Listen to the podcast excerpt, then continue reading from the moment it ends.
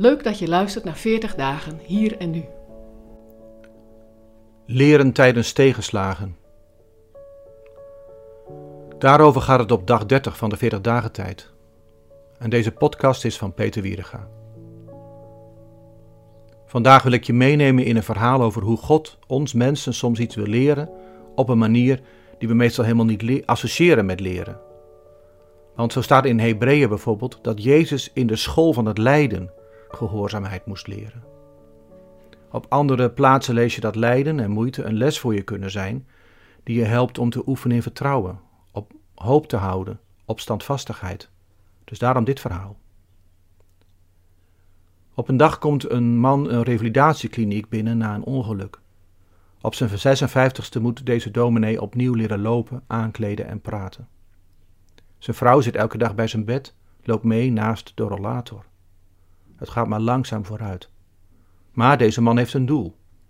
Naar huis kunnen op zijn eigen benen. Thuis weer de tuin in kunnen, vrienden ontvangen, boeken lezen en weer verstaanbaar leren praten. Want hij heeft nog een doel. Hij wil nog één keer een preekstoel beklimmen om zijn gemeente toe te spreken bij zijn vervroegde pensioen.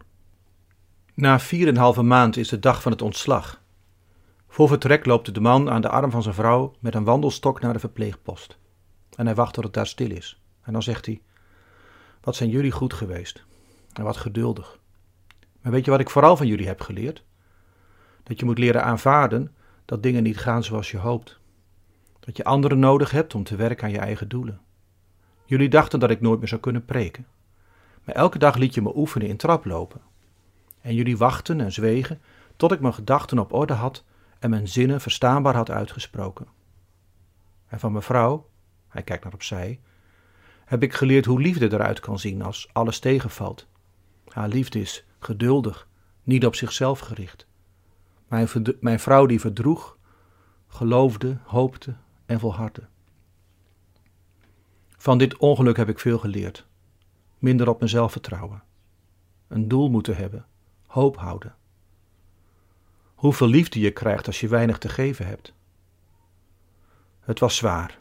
Ik twijfelde aan mijn geloof en aan mijn toekomst. Het wordt ook nooit meer zoals vroeger, weet ik nu. Maar ik heb veel ontdekt van wat ik nooit heb geweten of te weinig heb gezien. Jullie zijn van harte uitgenodigd bij mijn laatste kerkdienst. En weken later was er die kerkdienst. De dominee koos voor zijn afscheidspreek Romeinen 12 vers 12. Wees verheugd door de hoop die u hebt. Wees standvastig wanneer u tegenspoed ondervindt en bid onophoudelijk.